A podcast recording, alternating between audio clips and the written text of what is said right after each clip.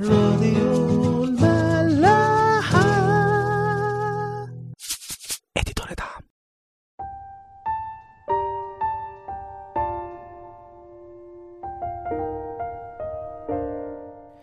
أهلا بيكم في حلقة جديدة من عيش وملح.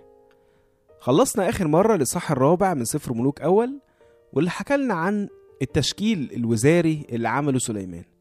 وحكى بشكل عام الخير والأمان اللي كانت فيه المملكة في عصر سليمان.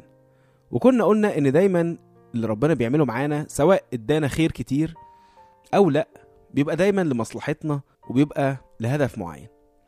الكلام ده هيبان أكتر في الإصحاح اللي هنبتدي فيه. خلونا نقرأ مع بعض كده من أول الاصحاح الخامس من سفر ملوك أول أعداد واحد لخمسة يقول كده وأرسل حيرام ملك سور عبيده إلى سليمان لأنه سمع أنه مسحوه ملكا مكان أبيه. لأن حيرام كان محبا لداود كل الأيام.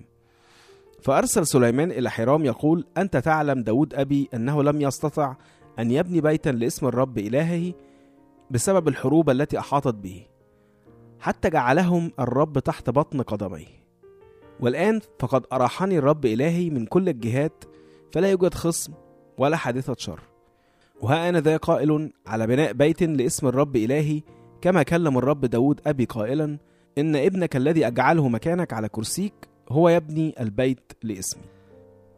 بنشوف بقى هنا أول إعلان من سليمان إنه هيبني بيت ربنا. وبنبتدي نفهم حكمة ربنا في الخير والسلام اللي كان مديهم لسليمان ولكل مملكة إسرائيل في الوقت ده. ما كانش عشان يناموا أو يريحوا بقى وينسوا ربنا. زي ما هنشوف في أوقات كتيرة قوي في الكتاب المقدس. إنما سليمان فهم الغرض بتاع ربنا وفهم مهمته. فهم إنه كان عليه مسؤولية وإنه ده هيكون شكل جهاده مع ربنا. لو اتأملنا أكتر في كلام سليمان هنلاحظ كام حاجة حلوة قوي أول حاجة إزاي اتكلم عن داود أبوه. فبنلاقيه بيقول إنه هو أصلا داود اللي كان عايز يبني بيت لربنا لولا الحروب اللي كانت في عهده.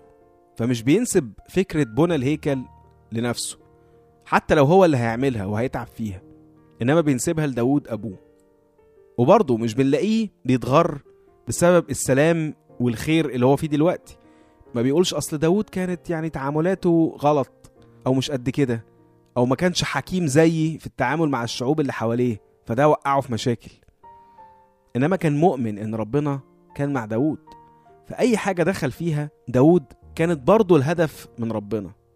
وعشان كده بقى هنلاقيه بعد كده بيقول والآن فقد أراحني الرب إلهي من كل الجهات فلا يوجد خصم ولا حادثه شر.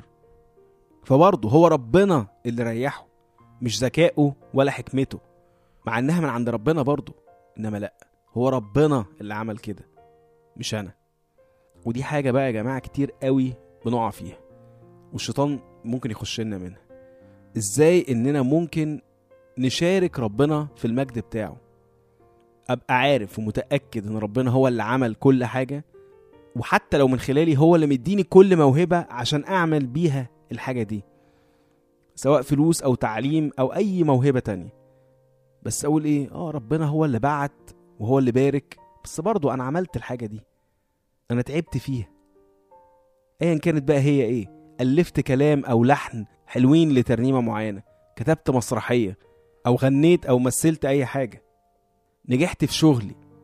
عليت في مرتبي. أقول لأ بس أنا برضو تعبت.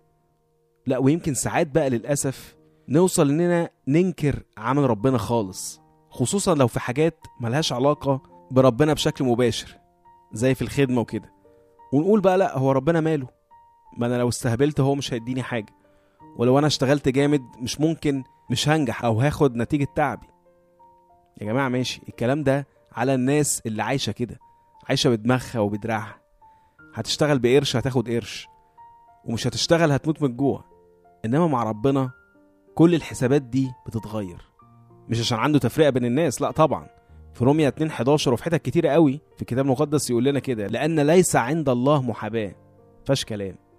يعني ربنا مش ممكن هيكافئ واحد ظالم حتى لو هو من ولاده. ده بالعكس ده ممكن يربيه أكتر. إنما اللي بنقوله إن الحسابات مختلفة. البركة مختلفة. بركة بقى بتاعت ولاد ربنا. إزاي يعني؟ يعني ممكن قوي تشتغل جامد وما تلاقيش اللي أنت متوقعه أو ما تلاقيش بيحصل معاك زي اللي بيحصل مع اللي حواليك واللي هم بيشتغلوا قدك أو يمكن أقل منك كمان. ليه؟ عشان لو فاكرين زي ما قلنا من حلقتين إنه لهدف معين عند ربنا. وزي ما في قصتنا هنا ما حصل مع داود ربنا بعت له المشاكل والحروب دي لهدف معين. وممكن برضو يحصل معاك حاجة تانية تعدي مشاكل كبيرة جدا. وتحس إنك ما عملتش حاجة عشان تستاهل كل المشاكل دي. زي ما بنشوف ده بيحصل برضو في قصة أيوب. بس برضو ده كان له هدف عند ربنا. وأيوب نفسه بيعرفه في الآخر. وممكن بقى اللي يحصل العكس تماما. تشتغل عادي أو أقل من العادي بس تاخد أكتر من اللي أنت متوقعه. أو يجي لك خير كتير قوي. وممكن كمان ما يكونش عندك أي مشاكل خالص. وبرضو ده يبقى من ربنا. لهدف معين. زي ما هو حصل دلوقتي مع سليمان كده. فدي بركة ربنا. بس الحقيقة واللي لازم ناخد بالنا منه بقى إن البركة بتاعت ربنا مش في الخير بس أو اللي إحنا شايفينه خير إنما على أي حاجة ربنا بيعملها معانا. كل دي بركة ربنا. كل الأشياء تعمل معنا الخير أيا كانت هي إيه. فلما تلاقيها مقفلة معاك كده في أي حاجة بس ربنا مديك سلام وتعزية في حياتك صدق صدق السلام والتعزية دول. وافرح وانبسط واشكر ربنا على كده. عشان دي بركة. واشكره إنه ما سابكش وركزوا قوي في الكلمة دي. ما سابكش تاخد الحاجة دي. تاخد النجاح ده. تاخد الترقية دي. تاخد السفرية دي. تاخد العلاقة دي. عشان كنت ممكن تبعد عنه وعن طريقه. منع عنك اللي انت شايفه خير. بس وراه شر. عشان يديك اللي وراه خير. بس انت شايفه شر. لو رجعنا بقى للي قاله سليمان هنلاقي إنه على قد ما يمكن يبانوا كلمتين عاديين إنما فيهم الإيمان والتسليم ده.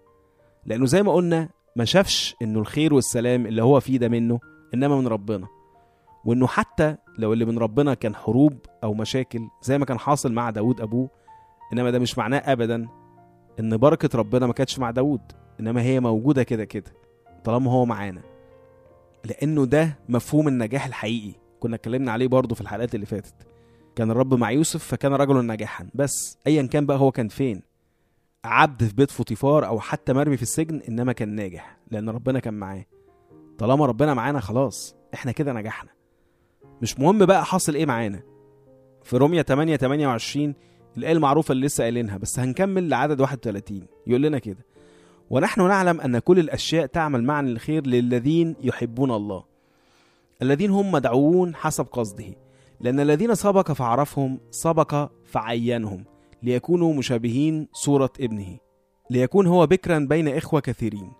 والذين سبق فعينهم فهؤلاء دعاهم أيضا. والذين دعاهم فهؤلاء بررهم أيضا. والذين بررهم فهؤلاء مجدهم أيضا. فماذا نقول لهذا؟ إن كان الله معنا فمن علينا؟ فهو بولس بيقول كده طالما إحنا بنحب ربنا يبقى هيشتغل علينا بأي طريقة هو هيشوفها عشان نكون ولاده بجد. عرفنا فعينا فدعانا فبررنا ففي الآخر هيمجدنا. ويقول في الآخر نفس الكلام لو ربنا معانا مين ممكن يكون علينا؟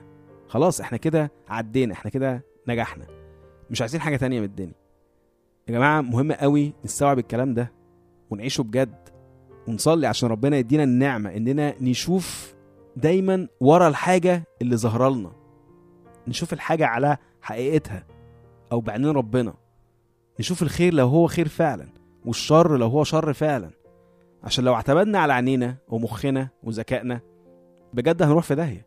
ومش بس كده هنودي اللي حوالينا في داهية. إشعية خمسة أعداد 20 21 يقول لنا كده. ويل للقائلين للشر خيرا وللخير شرا. الجاعلين الظلام نورا والنور ظلاما. الجاعلين المر حلوا والحلو مرا. ويل للحكماء في أعين أنفسهم والفهماء عند ذواتهم.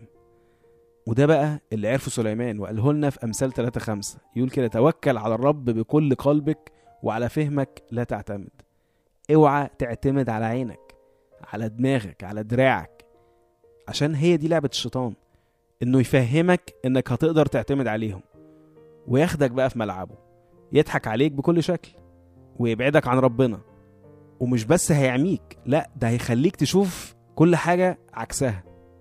تشوف الخير شر والشر خير والضلمة نور والنور ضلمة والمر حلو والحلو مر. عشان كده لازم نخلي بالنا ونعمل زي ما سليمان قال نطلب ربنا من كل قلوبنا وعلى فهمنا لا نعتمد. نشوفكم الحلقة الجاية.